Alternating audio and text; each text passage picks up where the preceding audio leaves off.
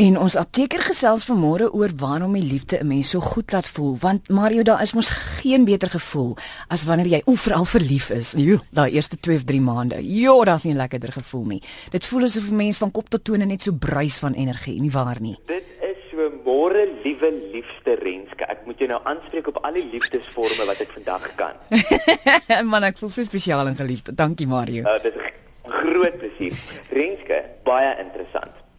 Die brein is 'n spesifieke area wat ons die limbiese area noem. En dit is die plek waar jy kan dit selfs op 'n ekstraal sien, waar die liefde dan nou kook, as ek dit amper kan sê in die brein. En navorsing sê bevind dat liefde skei presies dieselfde stowwe af en dit veroorsaak dieselfde aktiwiteit in die brein soos 'n dwelm, soos kokaine en of sterk pynstillers. Dis verskriklik. En dan liefde maak ons ook laat ons gelig liggame genees.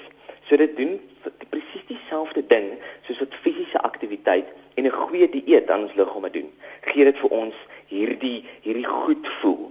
En dan dopamien en oksitosien. Dis nou twee hormone, dit klink baie chemies, word afgeskei, maar hierdie twee hormone veroorsaak 'n gevoel van vertroue, genot en beloning. Nou dit klink vir my eintlik wonderlik. Dit klink vir my asof ons eintlik almal elke dag die heel dag Valentynsdag moet vier en liefde moet ervaar. Want hierdie vertroue, genot en beloning, jong, ek kan met dit maar werk toe gaan. Ek moet vir jou sê dit klink vir my baie lekker. Dit is die goedkoopste ook, né? Jy hoef nie betaal daarvoor nie. Daar's nie 'n beter dwelm as die liefde nie. En die liefde maak regtig net soveel dinge vir ons almal beter. En ek dink almal kan saamstem wat ver oggend daarna luister. So as jy ver oggend in die apteek na my toe kom, gaan ek nie vir jou 'n tablet gee nie, maar ek gaan vir jou dalk 'n soen op die voorkop gee. Hoe's daai? Ag, oh, nee, wat dit klink vir my na 'n winskoopie. Heerlik, heerlik.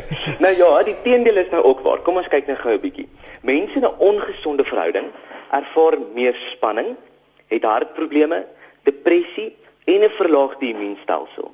En dan baie interessant, navorsers het getoon dat wanneer ons nou 'n verhouding moet opbreek, dan ervaar die brein in daardie limbiese area presies dieselfde simptome as wanneer die liggaam fisiese pyn ervaar. So wanneer jy jou vinger stamp teen iets of met 'n hamer omslaan, daai gevoel is presies dieselfde gevoel wat mens voel wanneer iemand jou los. Ag, en dit is so aaklig. Interessant ook, wanneer 26-jarige mense en jonger trou, want dit kan nogal 'n bietjie spannings voorraak, het dit getoon dat hulle 'n verhoogde BMI indeks het. Nou die BMI indeks is daardie indeks wat ons jou lengte vat, ons maal dit met lengte, maar dan vat ons jou gewig en ons deel dit deur hierdie lengte kwadraat en dan gee dit vir jou 'n getal. Nou tussen 19 en 23 is altyd goed.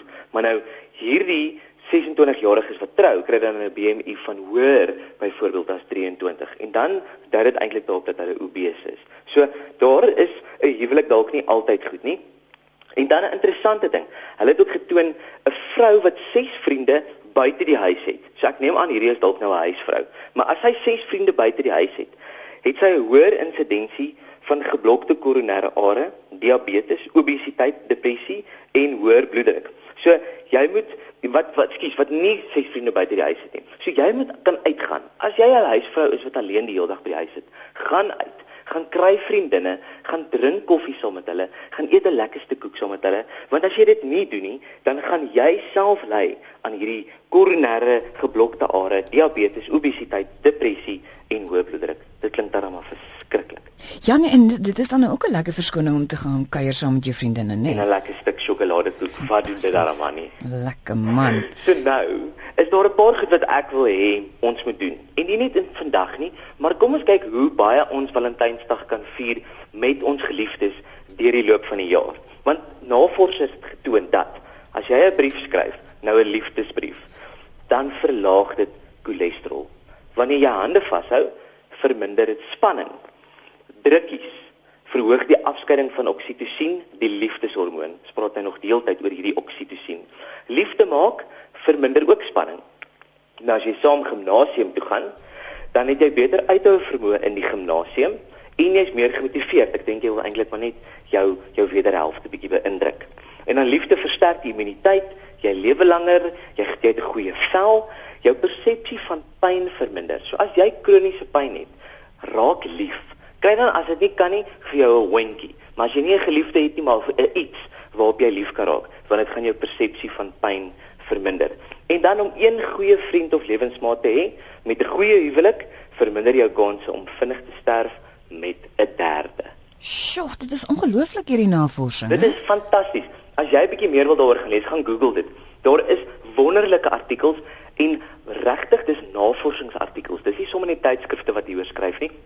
Dis regtig bewys met met wetenskaplike waardes en analitiese metodes is hierdie goed bewys. So gaan gaan Google dit regtig 'n bietjie. As jy vandag op Valentynsdag alleen is en niks om te doen nie, gaan kyk wat liefde aan jou kan doen en maak werk daarvan. Sê ja. Drink net gou nog een ding oor babas, baie baie interessant. Babas wat nie aanraking ervaar nie, kry 'n ding soos velhonger en hulle word velhonger babas genoem. Nou hoekom? Hulle verloor vinnig gewig, hulle word siek en hulle kan selfs doodgaan. Maar as vroeggebore babas genoeg gestreel word, sit hulle vinniger gewig aan, hulle huil minder, hulle verbeter hulle polsslag en hulle asemhalingstempo en hulle spiere is minder gespanne. Nou kyk nou net. As jy 'n maklike baba wil hê, gee vir hom verskriklik baie liefde, gee vir hom aanhoudend drukkies en streel hom die hele tyd. Hulle is mal daaroor en hulle sal floreer. Ag, dis dit dierbaar. Mario, as mense dalk 'n vraag of twee vir jou het, kan hulle vir jou e-pos stuur of kan oproepie plaas? Hoe kan hulle kontak maak? Hulle kan met liefde vir my e-pos. My e-posadres is mario.m.botha@gmail.com. So gaan dit weer sê. mario.m.botha@gmail.com of op Facebook is daar 'n bladsy Soek maar net Mario Botha apteker. Partykeer moet jy 'n skynstreep insit. Ek weet nie eens eintlik lekker waar nie en iewers moet jy 'n punt insit, maar jy sal my iewers kry. Ek het nie hare nie, ek het 'n kaalkop. So Mario Botha apteker op Facebook. En as jy wil, stuur dan net vir my liefde as jy niks anders wil stuur. Ja, sê Mario, dankie vir jou bydrae vanmôre en baie lekker Valentynsdag vir jou ook. Dankie vir jou. Goed gaan. Tata Mario. Bye -bye. Ek het nie geweet hy's kaalkop nie. Dit is nou 'n nuwe stukkie raad of liewer 'n um, inligting wat ek nou vanmôre hier gekry het. Mario se e-posadres net gou geweer as jy vir my e-pos wil stuur mario.m.botha@gmail.com of soek hom op Facebook Mario Botha apteker. Facebook. As jy op Facebook daar in die soek uh, dingetjie in in tik Mario Botha apteker dan ek seker jy gaan hom onmiddellik kry. En Charles sê per SMS, nou ja, vroue dan nou, dis nou nie meer rede om kopseer te hê nie want dan het hulle juis die liefde nodig.